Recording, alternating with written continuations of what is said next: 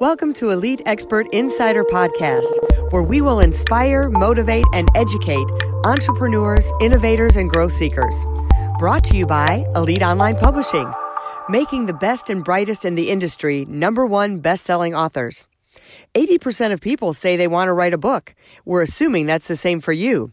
If so, contact us at www.eliteonlinepublishing.com and make your book a reality. Hey, it's Melanie Johnson here along with Jen Foster. How you doing, Jen? Doing great. Thanks for joining us again to everybody. So, listen, make sure you subscribe to the podcast because we love, love, love when you subscribe and share the podcast to everyone because we know you always learn something and get motivated and inspired. And today we are going to talk about three awesome game changing fitness things that you can do. Phil White is written three books, actually four books. So he's an Emmy nominated writer. He's joining us today. So I know, I mean, I'm always trying to get in shape. I'm always looking for something new that's going to change my fitness game, my health game. So stay tuned for that. But also remember, um, you know, Jen and I own Elite Online Publishing, and we make all of our authors number one bestsellers. So we would love for you to become part of our family and be one of our authors. So look us up at eliteonlinepublishing.com, and you can fill out a contact form there, and uh, we'll see if you qualify to be one of our amazing authors. So Phil, thanks for joining us today, Emmy nominated writer. Thanks for coming. Sounds fancy. Maybe I made it up. I didn't make it up, but it would be funny if I did. Yeah. It's just resume padding. Yeah. Love it.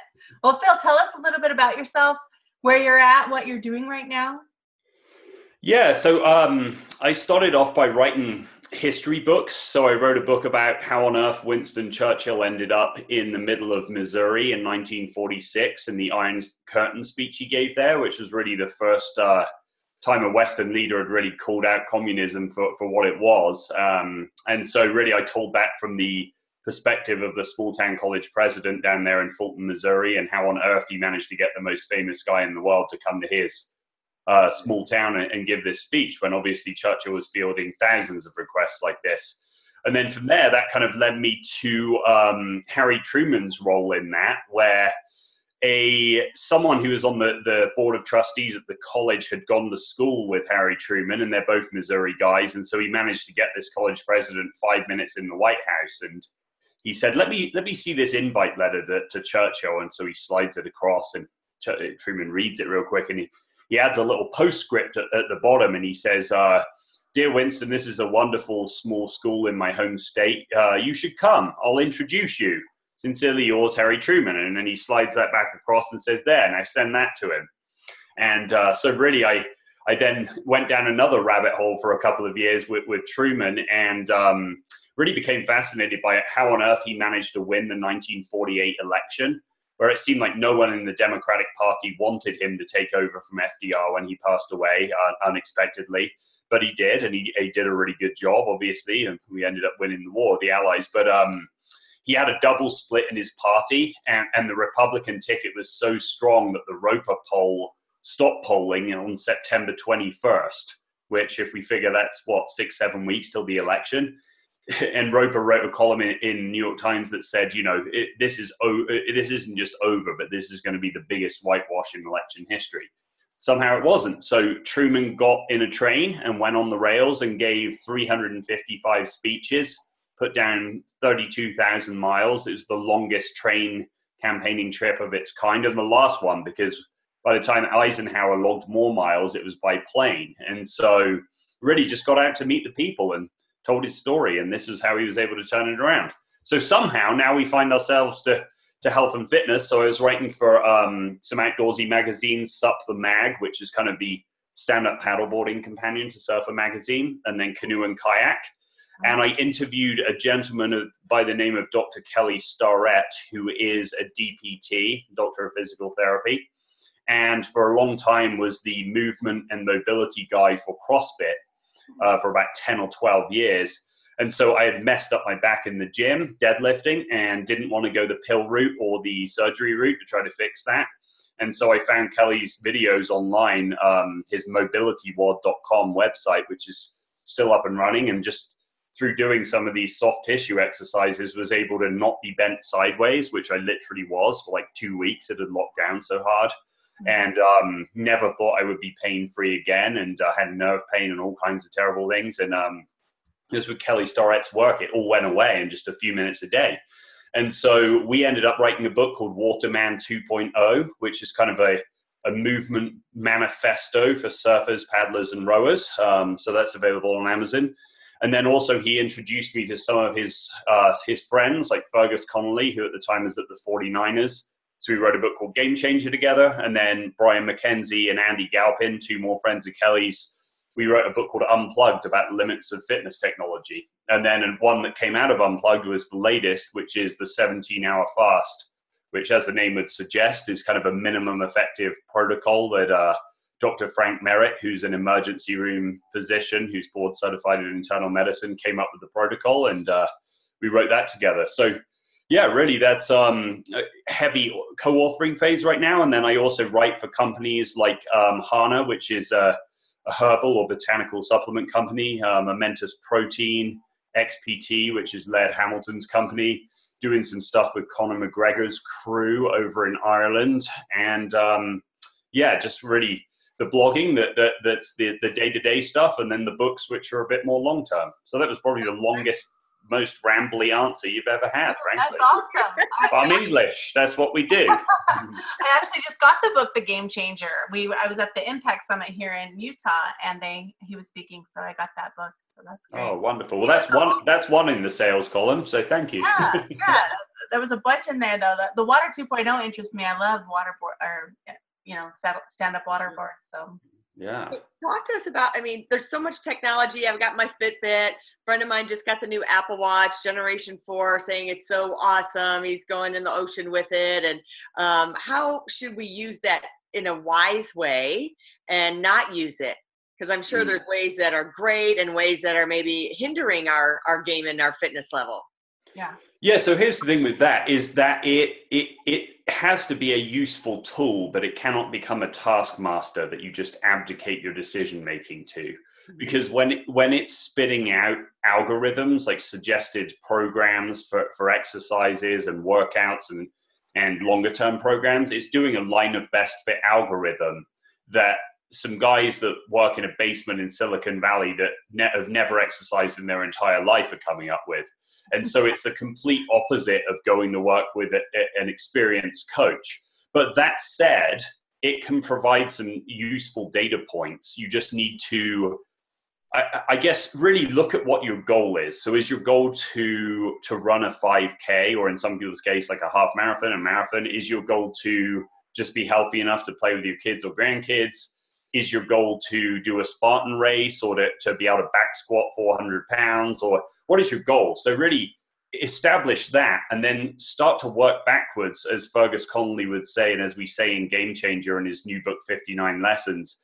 And from there, just figure out what information might be necessary and what numbers do you want to see move in order to get you to that goal. So again, if, if your goal is to run a 5K, and then maybe your second, third, fourth 5K, your goal is a time goal. Say, well, I want to run a 5K in 18 minutes or 24 minutes. Well, you, are going to know that you're going to need to progress a little bit and get those times down progressively over time, slowly, in say the tw- you know 10, 12 weeks leading up to your event.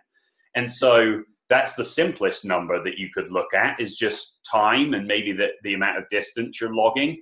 And um, you know that would be a useful number. What would not be useful is to take literally every metric that your Fitbit or the Apple Watch could spit out and it, it just to confuse the heck out of you or stress you out or you to try to make the numbers everything. And I think that um, too, we see a lot of people running and they've got a device on the wrist, they've got headphones in here, they're looking at an app to look at their heart rate. And the problem with this is um, it's almost a process of disembodiment that is is basically the exact opposite of Alex Honnold climbing El Cap in the movie Free Solo, where if he slips, he falls and he dies. Or Laird Hamilton surfing a 60 foot wave is not looking at his heart rate uh, to see if he's in a certain zone because, again, he will get thrown off and drowned. And so I think if we look we don't need to be an extreme sports athlete to be- benefit from deep embodiment. And basically, that all that means is just being present and focused in the moment. And if you look at the work of someone like Steven Kotler, who's an expert in flow states, and his book, The Rise of Superman, he kind of goes over the seven, eight, nine triggers that you can um, use to manipulate yourself and get yourself into a flow state, which is really one of those where time disappears, you know, when you're functioning at your best physically and cognitively.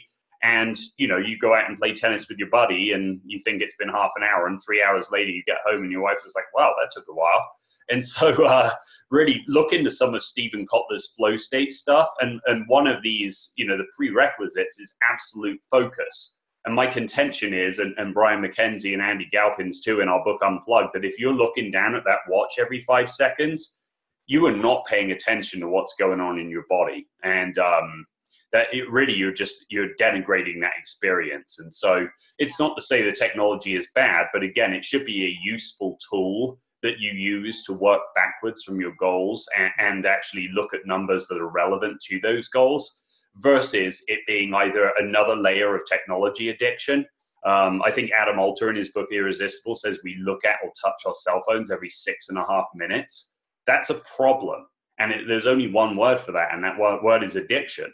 And so I think that, um, you know, we just need to use the technology wildly and wield it as tools and we are in charge the device is not your taskmaster it is not your boss yeah i love that you the book unplugged and let's talk about that a little bit because i think right now you know with the holidays and you know everyone's setting goals i think it's really good that you were saying start with the goal because a lot of times people are like oh i got this fitbit or i got this thing but they don't have any kind of plan. And they just are like oh i'm going to get so many steps a day. Well what is that going to do for you? You know what's your goal? Mm-hmm. so having that goal but then the unplugged thing you know that right now is the time when most people are busiest and a lot of our time is spent on screen time or like you were saying like being obsessed with all the data instead of actually being focused on what you're doing like running or swimming or whatever you're working on.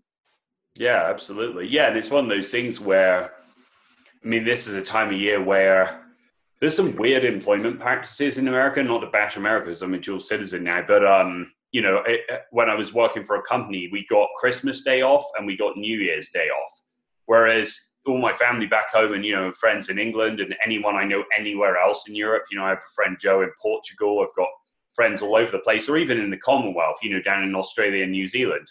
Like those countries shut down for two or three weeks at this time of year. Now, sure, there's the last minute Christmas shopping that we all do, but that said, it just um, every a lot of companies talk culture to death, and they talk in quotes work life balance to death, and yet their practices are little more than modern day sweatshops. Like Dan Lyons, if you read his books, Disrupted, and then the new one, Lab Rats, and I think Lab Rats, the subhead is like how Silicon Valley ruined work for the rest of us. They're just it's just a chew people up and spit them out mentality and this is the very time of year that we, we need to set some boundaries around our tech use because we're so overwrought with these ridiculous labor practices that maybe give us one or two days off and you know the corporate machine never seems to stop spinning and so i think that if it would be nice if willpower was enough but for a lot of us it isn't and so using an app like moment or freedom or rescue time to one accurately gauge what your, your screen use is because a recent study in the UK found that people chronically underestimate by up to 50% uh, on average their, their tech use and their social media use. Um, and, so we're not good at gauging really accurately how long we spend on things. So you could use one of those apps to figure that out. And then from there, if you use the premium version, you know, it's maybe 10 bucks a month, I think, for each of them, then it can set hard boundaries where, okay, you've been on Facebook for 30 minutes in a day, whatever, 10 minutes, whatever. It will literally cut you off if you wish it to. Or if you don't want something that's quite as drill sergeant, you know, so quite so full metal jacket, then um, it will just pop up. You can set it where it will just pop up a reminder, like, hey, whatever your name is, you know, you've you've uh, reached your, time limit for the day. So there are kind of degrees of which you can set it. But I think a lot of us need to be able to set better boundaries, not just in our personal relationships or that uh, true work life balance, but also with our devices. And so using something like Moment or Freedom um, or Rescue Time can really help provide that structure that often we say, oh, yeah, I'm really going to cut back on that and spend more time with family and friends over the holidays. And then what happens? Everyone's at dinner. on their phone. It- It's like the Will Ferrell um, device-free dinner videos that he did for Common Sense Media, Yeah. which Those are funny. even the kids laughed about. it, Like, I miss Daddy, and he's right there. He's just messing with his phone. You know, or my um, my co- cohort Kenny Kane, who uh, runs Oak Park, LA, which is a gym out in Santa Monica. He said that you know he was in line at the post office yesterday, and all seven people were in front of him were not just on their phone but on social media.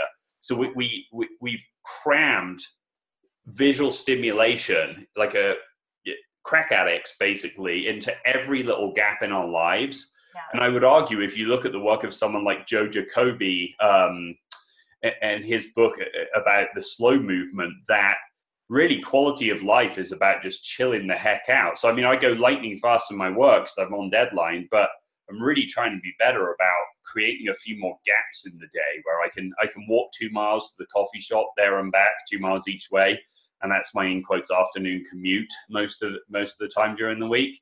Well, that's an hour a day that some people might say, oh, well, you're losing an hour a day of productivity. We can't run our lives on a Henry Ford assembly line model. We're not robots. And so we need to stop living like robots. And to do that, sometimes we do need the help of putting some systems, some structure, some accountability in place. Yeah. I love that. I yeah, go ahead, Melanie. Okay. I would say, um, talking about resetting, like, you know, resetting by getting off of social media for a while and off of electronics to see what your mind does. Then you've written that book, The 17 Hour um, Fast. So, what does that do when you reset your body? Because I know a lot of us, especially with the holidays, you're eating things you don't normally eat and, um, you know, gunking up your system. So, tell us a little bit about that book and the, the strategies behind that. Yeah, and really that's designed where so you basically you eat a normal dinner at five or six o'clock and then you just don't eat until lunchtime the next day. But beyond that it's really a, a boundaries book. It's it is a, as you said a reset book. And so we we encourage people to combine it with a tech fast and to spend more time with friends and family in the evening and then in the morning to to you know to journal or if you have if you have a faith tradition to pray or meditate or study your sacred text um, to get out and take a walk to be out in nature. And so really it's just a, a, a an on ramp i guess you could say for whole life change. And by resetting um, the place of food in your life then maybe you can start to use that as a window into oh what role does technology play in my life? How, how might that be harmful um, you know, again, am I am I a workaholic? Like me too, guilty. You know, seriously. But um, you, you know, so this kind of thing. But the fast itself, when you, well, if you fast for 17 hours, there are a number of health benefits here. And what we actually do is suggest that you reduce the, the portion size of that pre and post meal. So the di- the lunch and dinner before, and, and then the lunch and dinner afterwards, to about 50 to 75 percent of your normal portion size and that you try to change the ratio because a lot of us are just hooked on sugar and particularly this time you know and it's like well who doesn't love uh, grandma's cookies but maybe you shouldn't eat 48 of them like two trays at one time. So it, it maybe change the ratio a little bit so you're, you're aiming towards like 40% fat 40% protein and only 20% carbs. And of those 20% carbs we're looking more at oatmeal and at you know whole wheat toast pasta that kind of thing that isn't just pure sugar, you know, soda and candy and white bread and all of that kind of junk. So if somebody does fast, what we find, my mother-in-law's blood sugar was in the pre-diabetic, bordering on type 2 diabetic range for a really long time. And literally just by doing this fast for six, seven weeks, she managed to get down not just from knocking on the door type 2 diabetes, back down through the whole pre-diabetic range and back fairly centrally into the in quotes normal blood sugar range. Wow and it really starts to there's a lot of crap out there to be honest about becoming like fat adapted and making it out that if you stop eating carbs that your your liver is somehow only going to be capable of producing ketones which is actually nonsense. Like uh, my co-author Frank Merritt is board certified in internal medicine, so I can tell you as a categoric fact that is absolute marketing BS, frankly. Uh, but really, what happens is you can change the fuel blend that you know your liver and pancreas are kicking out, so it's a little bit less on the glucose side and it's a little bit more on the ketone side. And we know that if you look at what happens on a, on a cellular level, that sugar creates more excitability in the, in the, in the uh, nervous system at the cellular level. And it's like those little ping ponging around things you would see under a microscope in a lab, whereas ketones produce a kind of sense of calm and clarity, and it does not have that excitatory effect. So people start have told us they've started to feel a little bit less, you know, just permanently anxious and twitchy and stressed out. Mm-hmm. You're, you're also your body's going to do some stuff under the hood that you're not going to see, but it is going to benefit you. So autophagy, which is the clearing out of dead cell matter, and also the use of decaying cell matter to create new cells um, it can actually start um, neurogenesis, which is the creation of new cells in the brain, which parentheses, so can dark chocolate. So eat more of it. It's awesome. um, fish oil is another one, and so is exercise. So again, if you start stacking some of those things together and combining them, you can get some really good results. And then also, we found that Frank says when someone is admitted to the ER where he works in, in Panama City Beach in the trauma room, and they have a digestive complaint, one of the if it's severe enough they will write on the chart nothing by mouth nbm and that means that that, that that patient is not to be given any food for 24 hours because the guys that are board certified in internal medicine the doctors know if you just give the digestive system a little bit of a break at, to your point melanie that it sometimes does hit that reset button and so literally just get when, when do we give ourselves a break like if you look into the work of um, Dr. Rhonda Patrick, she has a wonderful podcast and um, and also a blog as well. And she interviews Dr. Panda, who's one of one of the world's leading experts in time restricted eating.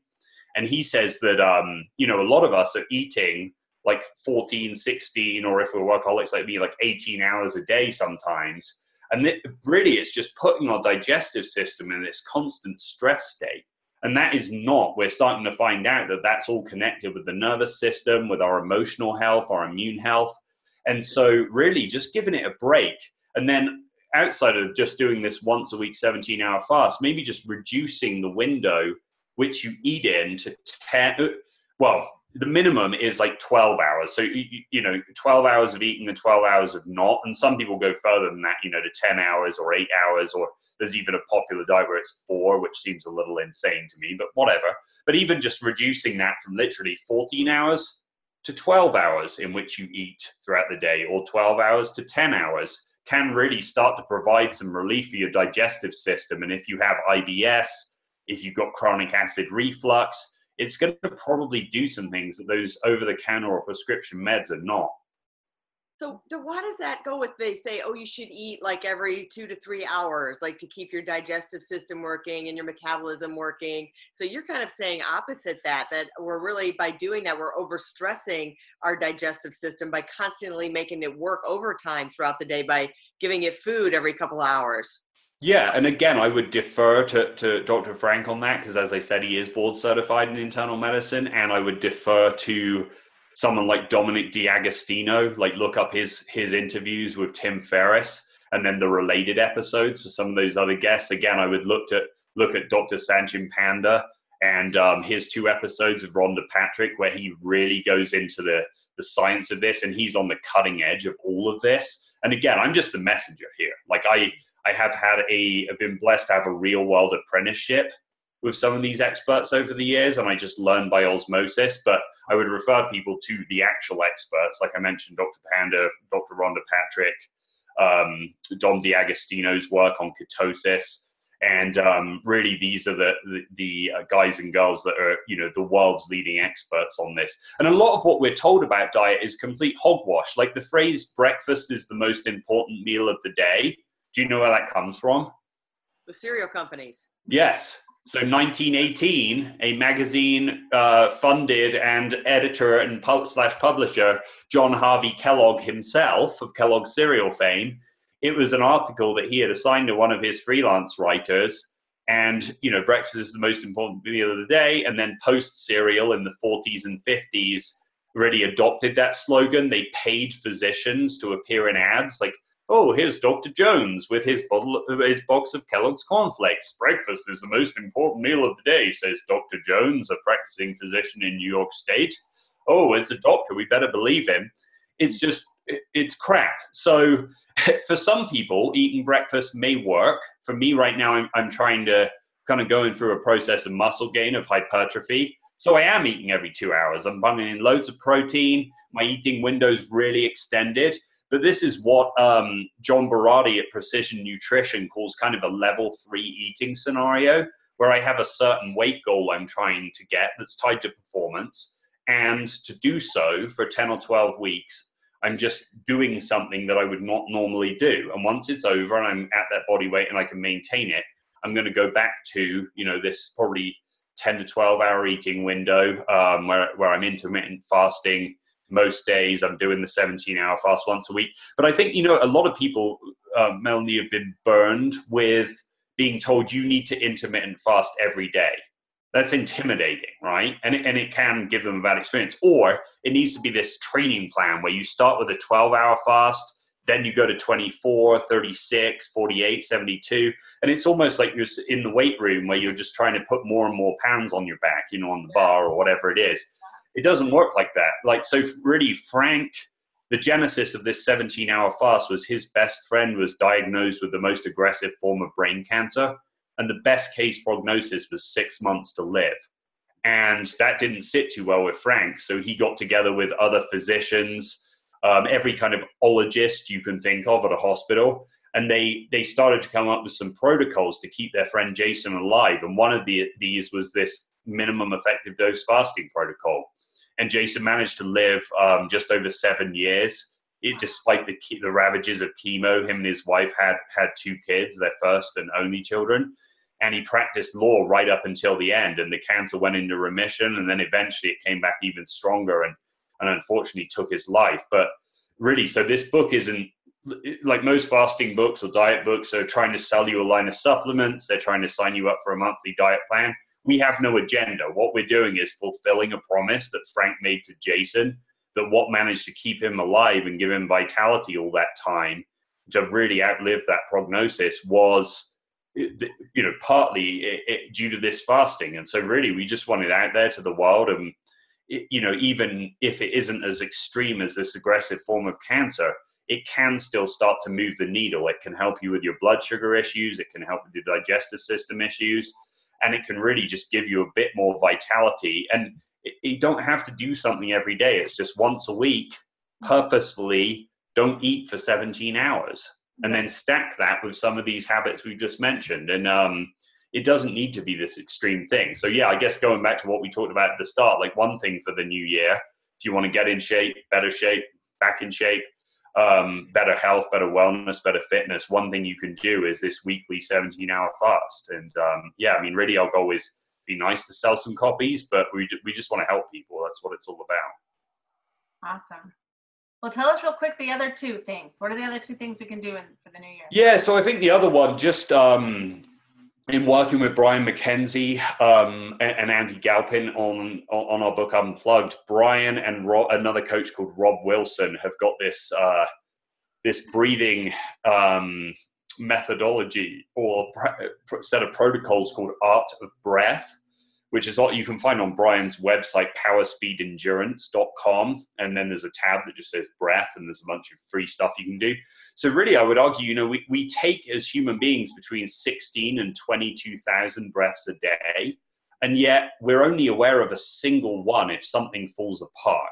Like if you have a if you've ever had a panic attack and you're gasping for breath or feel like you can't breathe, or if you're out on a run and things going on pretty well, but then suddenly they're not, and your breath gets away from you and you kind of bonk and crash and that kind of thing. And so, um, really, I think Brian's point is if you literally at night, if you just did five to ten minutes of slow, slow nasal breathing, and you focused on the sensation of that and then from there, during your day, any time that you were feeling stressed out, if you really paid attention, you would find that you were mouth breathing, that you're breathing rapidly.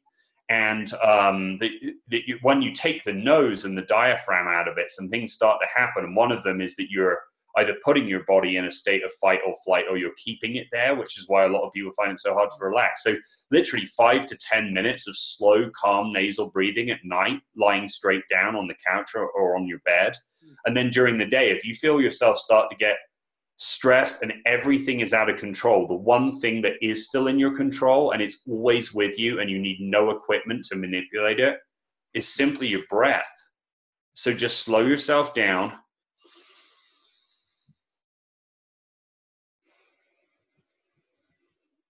and just take even if it's three to five nasal breaths you're stuck in traffic and someone's flipping you off you know whatever it is. You're you're waiting in line airport security and you're worried you're going to miss your flight you know you're late for your kids practice or game. Just take it two three five ten nasal breaths and see the change in your state. And really that to me is one of the biggest game changers going. And so yeah like i said check out Brian's website for more on that. But that's as simple as it is. Just be more aware of your breath and when you're stressed out.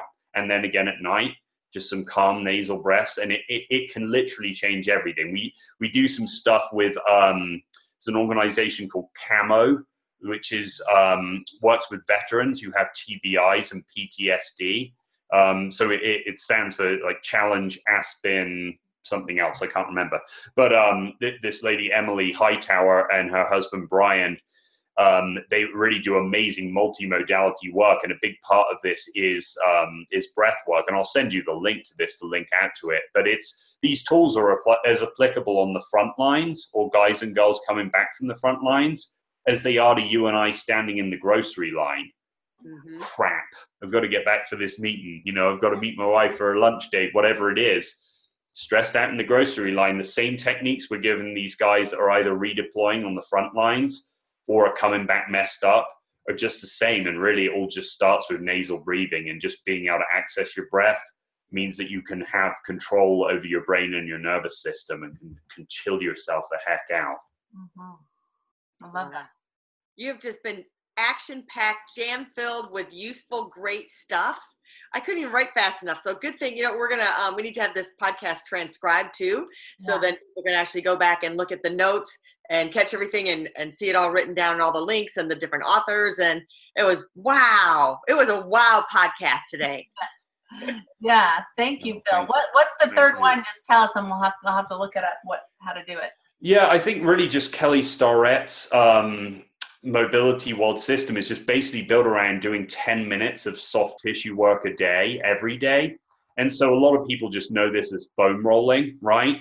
Yeah. and you know they just foam roll their calves or their quads or the you know the bits that are sore. But really just going head to toe is a simple way to do it you know and, and only focusing on maybe two things. Or one thing so maybe one day you do just smash your quads but then another day maybe you yeah, we find a lot of um, people in the strength training world are so matted down in their abs that it's so gristly in there. And Kelly's contention is that while we don't have the studies yet to back this up, that a lot of sports hernias come from that. That just this massive amount of power is flowing from the hips to the shoulders and back again through the core. And then obviously people are doing more and more in quotes core workouts. Yeah. But when was the last time you actually rolled that out? So just getting a soft, squishy ball lying face down on the yoga mat and just slowly moving that across those abs mm-hmm. for five or 10 minutes. And now, check this out this ties back into the breath. So, the nasal breathing is one way to activate the vagus nerve, which really takes you from this fight or flight sympathetic state into a kind of rest and digest and chill the heck out basically state of parasympathetic recovery. Well, another way is what Kelly calls gut smashing, which again is just a fancy way of saying lie face down on a soft, soft-ish ball and gently roll it across your abdomen. And if you do this at night and then you do your five to 10 minutes of nasal breathing on the couch, you will be mega relaxed because you've just given your vagus nerve two activation signals. And, and again, it sounds really maybe too much like common sense, but as the great sprint coach Charlie Francis said, the problem about common sense is it isn't that common. Because we all know we should sleep seven or nine hours, and yet like 64% of Americans are sleep deprived. We all know we should eat well. Well, 66% of Americans are overweight or obese. And so just because you know something cognitively doesn't mean that you're you're doing it or you're practicing what you preach. So yeah, really, I mean, just to su- summarize, once a week, 17 hour fast, um, which again, you, you eat dinner the night before and you just don't eat again until lunch its simplest form. Don't even need to buy the book to do that. Um, five to 10 minutes of slow, controlled nasal breathing, take the mouth out of the equation um, at night. And then when you're stressed out in the day, find your breath. It's there. Slow it down. Few calm nasal breaths, you chill out. And then finally, just 10 minutes of, of mobility work a day, including particularly if you find it hard to relax in the evening, this, this gut smash with a uh, kind of a low or medium firmness ball, just very gently, very, very slowly across the abdomen. Uh, don't go up too high because you can actually bruise the diaphragm. But if you stick in that kind of low to middle end, you're it's really gonna it's gonna feel gross and gristly the first few times. But because of what it does, that relaxation response, you can get kind of hooked on it. So just combine those three things, and that's going to do you just as good as renewing your gym, gym membership January 1st. Awesome. Love it. Well, tell us where we can find you and people can look up and uh, get more information. Oh goodness, that's a loaded question. Um, so my, my co-writer Kenny Kane and I did a 30-day tech fast, and now I'm doing a reverse tech fast where I'm back into the um, the social media for 30 days, but I'm not sure if I'll stay on there and to what extent. But um, yeah, just philwhitebooks.com because that's going to be active one way or another. So I don't update it very much, but if anyone wants more info on what they heard here today, just fill out a contact form, which will shoot me an email, and I'll do my best to get back to you quickly. And yeah, I would love to have a conversation with anyone and everyone, really. Yeah, and you um, will provide those other links too that you said, right, Jen? Yeah. Yep, and we'll put the link up on the on the bottom, uh, philwhitebooks.com. Awesome, thank you. Right. Thank you. Yeah, I really appreciate your time today. Thanks so much for letting me ramble in a kind of very espresso fueled morning. well, I learned a bunch. I think all of us are inspired. Um, I can't wait to try all of this stuff and have my kids and friends try some of this stuff. They're going to think I'm so smart, but I'm going to tell them it's because I listened to Phil White. That's why I'm so smart, taking his advice. So um, thanks again for stopping by. Remember to subscribe to this podcast, Elite Expert Insider. Um, we'd love to hear your comments and please share it. And uh, if you want to become an author, contact us at eliteonlinepublishing.com. And uh, we'll see you next time. If you'd like to create the most powerful advertising tool for your business, contact us at eliteonlinepublishing.com, where we will help you create publish, and make your book a number one bestseller, and show you how to get new leads and more revenue for your business. If you'd like to check us out on our Facebook page, we have a free book for you as our gift. Just go and click free book. Remember to subscribe and leave a comment for our podcast. We would love to hear from you.